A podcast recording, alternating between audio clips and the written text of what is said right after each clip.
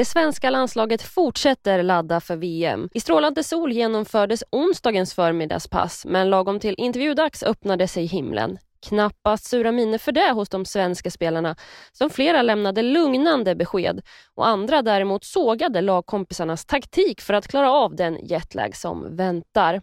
Det är onsdag den 5 juli och den där långa resan närmar sig. Med mig, Frida Olsson, Wendel Ögren och Anna Friberg får du det senaste från det blågula lägret.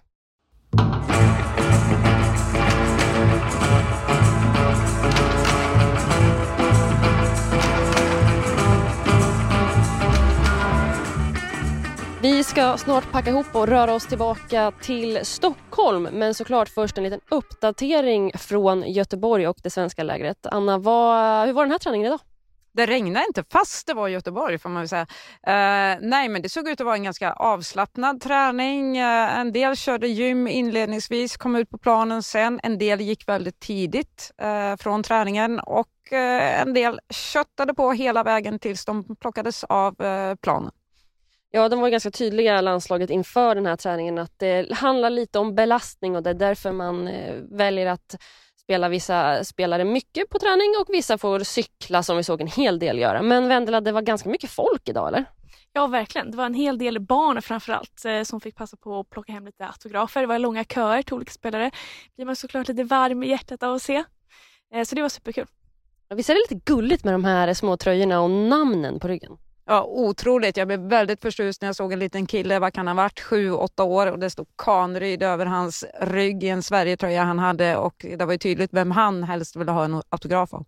Mm, köerna ringlade sig långa eh, när de skulle skriva autografer senare. Det var också såklart kul för dem och kul för oss att bevittna att det är så stor uppståndelse trots att det ändå är ett tag kvar till det här eh, VMet sparkar igång.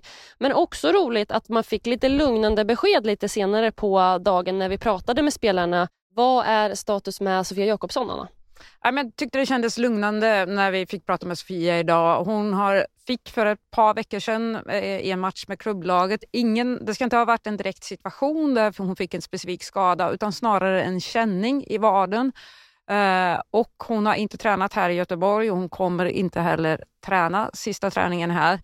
Uh, hon tränar såklart individuellt men inte med laget. Eh, nej, jag tycker inte hon lät hoppfull. Det här är nog snarare någon form av kanske lite överansträngning eller något liknande. Men eh, Lina Hurtig då, som vi vet har haft väldigt struligt i, i Arsenal, spelat väldigt, väldigt lite men också tvingats spela kanske när hon inte skulle med tanke på den skadeproblematik som hela Arsenals damlag har haft. Vad säger vi där Vendela? Ja men det var väl också väldigt positiva besked. Eh, hon sa att det inte handlade om en känning för hennes del utan mer att hon nu håller på att trappa upp mer successivt. Hon sa att hon eh, gick på boll förra veckan med i Bosan eh, och har ju fortsatt nu och hon, hon verkar väldigt fokuserad framåt. När hon tvingades se tillbaka lite på tiden i Arsenal nu och den vår som har varit beskrev hon det ju som genom att de gick på knäna och att just den här känslan hon beskrev att hon kände sig värdelös för att hon inte kunde vara med och bidra för det kom bara bakslag på bakslag. Ehm, så det lät ju som hon beskrev det som ett mörker men verkade taggad på att nu få fokusera framåt och att kroppen också verkar hänga med. Men de här orosmolnen som vi kanske målade upp lite under gårdagen, börjar de liksom skingra sig lite nu precis som Göteborgshimlen har gjort idag? Ja, kanske lite grann, men det är klart, alltså, om man ser det i en större helhet, det är klart att Sofia Jakobsson vill låta positiv, precis som att Lina Hurtig vill. De ska snart spela till VM. Eh, men totalt sett, det är ju inte bara de två, det är ju flera spelare. Igår pratade vi med Fridolina Rolfö som har problem med ett knä. Eh, och det finns fler med henne. Kosovare Asllani idag liksom, som sitter och säger att kroppen är tipptopp. Ah, hon har inte spelat så mycket med Milan eh, den här våren utan har tvingats ta pauser. Så det är klart, om man tittar totalt sett, att det är inte en helt hundraprocentig trupp sett till formen. Välkommen till Coolbet där spänningen aldrig tar slut och underhållningen står i centrum. Här får du inte bara Sveriges bästa fotbollsodds, du får också en spelupplevelse som är rättvis, transparent och framförallt rolig. För oss handlar det om mer än bara spel. Det handlar om att ta en paus, att våga chansa och att kanske vinna stort. Det oväntade gör varje ögonblick unikt. För dig över 18 år, stödlinjen.se. Nej, vi får hoppas att formen är stigande. Det är ju ändå ett tag kvar till eh, det är eh, VM-premiär för svensk del.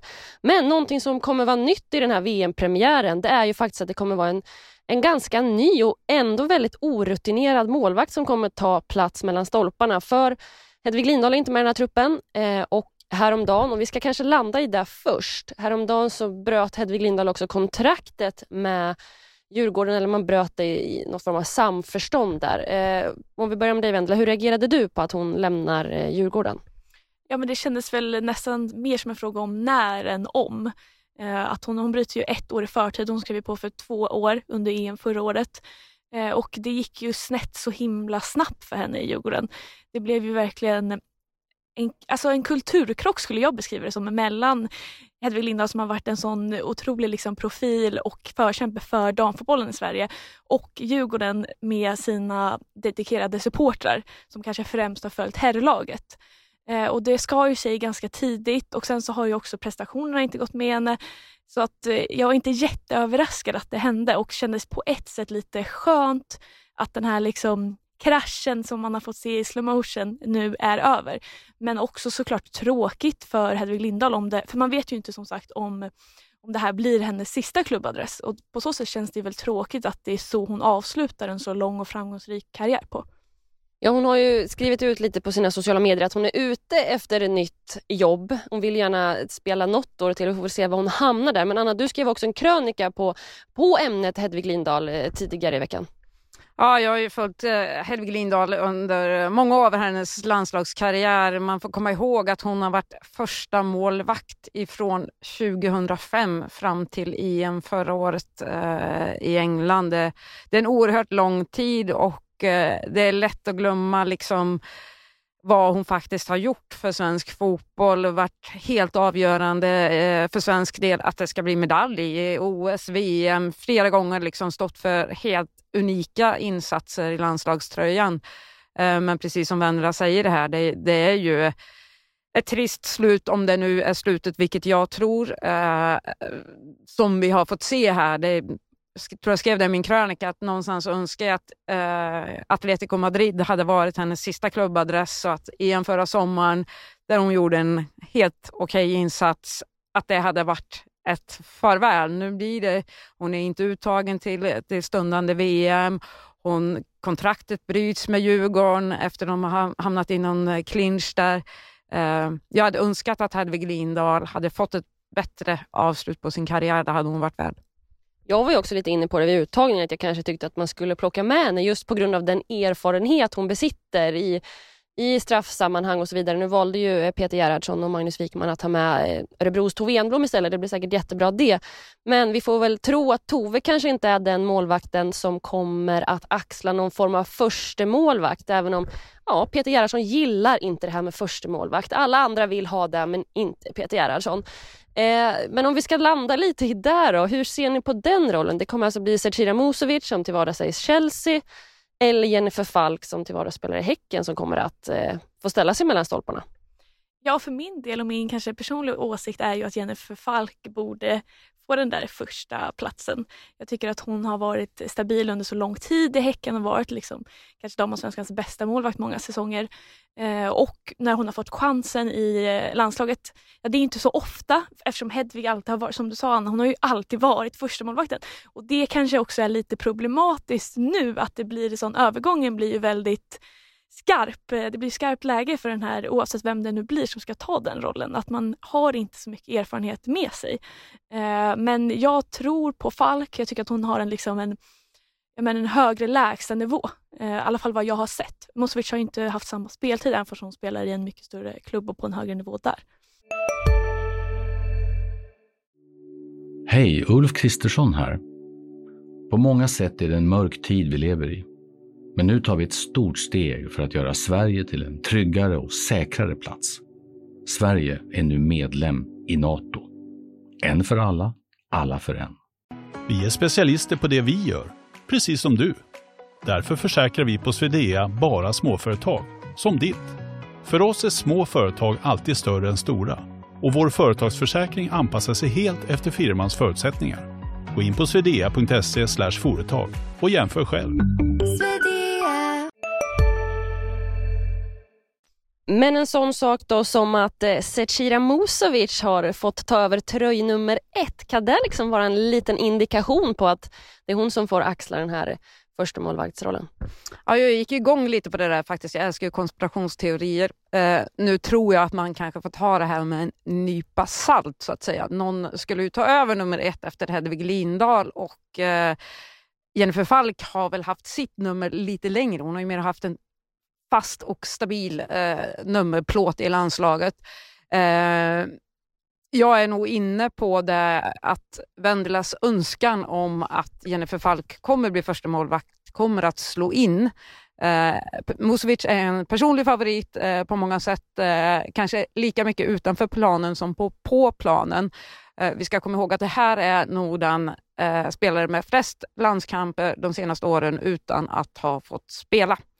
Eh, och hon håller ändå ett sånt toppenhumör och är väldigt viktig vid sidan om planen eh, för landslaget tror jag. Så det är klart man någonstans för hennes skull önskar att ah, men nu kommer hon nog få chansen. Men nej, det kommer hon inte, för det blir nog Jennifer Falk tror jag. Ja, vi får se hur Peter Gerhardsson eh, och Magnus Wikman väljer att göra här. Oavsett så är det väldigt intressant att ha en sån här fråga som är ganska brinnande och ganska oviss. För de har ju också varit öppna och tydliga med eh, tränarduon här att ja, men presterar man inte tillräckligt bra, då kanske man liksom petas till nästa match. Och Det är precis som det är ute på planen. Det är bara att det aldrig varit så tydligt eh, mellan stolparna tidigare. Eh, såklart, väldigt, väldigt spännande att följa.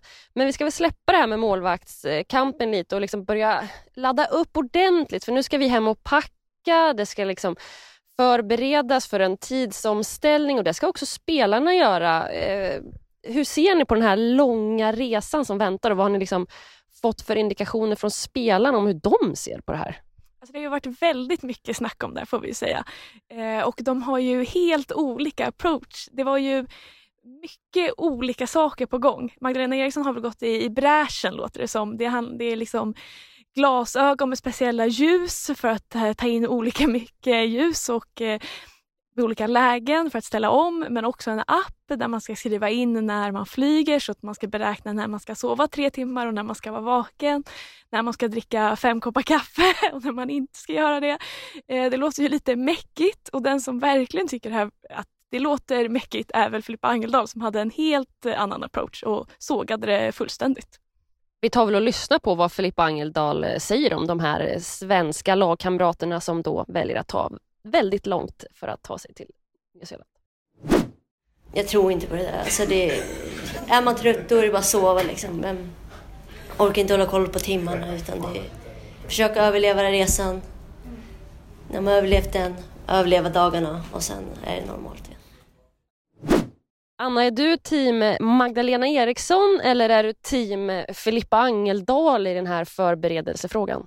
Jag är team Kosovare Asllani hon inför OS i Tokyo så hade hon en strategi just här på Sankt Jörgen Park, hotellet i Göteborg där de bor nu.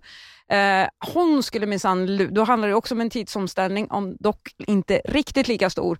Men hon skulle minsann upp klockan 04 och dricka kaffe och hon skulle ha med sig den ena spelaren efter den andra och det blir fler och fler som anammade det här eh, med Aslanis tidiga morgnar och det skulle drickas kaffe, säkert någon liten italiensk fin eftersom hon gillar sån här finkaffe och grejer. Eh, det gick bra för dem som hängde på Aslanis koncept. De somnade på planet sen. Det fanns bara ett problem och det var Kosovare Aslani. Hon sov inte en blund på flyget. Så nu sa hon rakt ut, nej, jag kommer inte gå upp tidigt, jag skiter i det här nu. Men hon skulle väl ladda ner någon app och sådär, men hon verkar inte tro på någonting. Jag är av samma åsikt, jag tror inte på något av det här. Har man tur så sover man lite, eller så kommer det här bli jättejobbigt, men det kommer gå bra. Man får liksom genomlida det, bita ihop helt enkelt för att de är ju tio timmar före Nya Zeeland så det kommer ju bli tufft. Ja, alltså jag tror verkligen på approachen kliv, kliv, överlev. Det, det är liksom det man får göra som Angeldal, så man får liksom bara härda ut att man kommer må dåligt ett tag, men sen kommer man in i det. Så ni kommer alltså inte ha med er något speciellt för att överleva det här? Uh, nej, Eh, vad var det Fridolina Rolfö sa häromdagen som var viktigt för henne att plocka med sig till Nya Zeeland? Det var hörlurar och det är viktigt för mig så jag kan stänga, uh, se och sådär, inga glasögon på mig och mörka glasögon och inga sådana här som ni pratar om att ni ska ha så ögonbindlar och grejer. Det kommer jag inte ha. Eh, jag vill ha koll på läget, jag sätter i lurarna och kanske slumrar en liten stund. Sen är det, det kommer gå bra. Du Vendela, nu har vi varit här i två dagar. Du liksom laddar upp för ditt eh, första stora mästerskap. Hur eh, har det varit och känner du liksom nu när du har pratat med spelarna att pulsen börjar stiga? Ja, men lite tycker jag. Idag kände jag ändå det börjar närma sig eh, och eh, ja, men mer också att man känner att man vill bara, framförallt vill man ju bara genomlida den här resan och omställningen och vara där och vara inne i det. Det längtar väl jag till när vi sitter där och gör ett sånt här poddavsnitt dagen innan premiären kanske. Det ser jag fram emot. Ja, för nu är det faktiskt så att vi ska packa ihop våra grejer och röra oss tillbaka mot Stockholm. Där ska jag packa om för jag kommer nämligen att åka först till Nya Zeeland och eh, då är väl det nästa gång ni kommer få höra från den här poddtrion när Expressen har landat på eh, Nya Zeeland. Eh, och med det så säger vi tack och hej.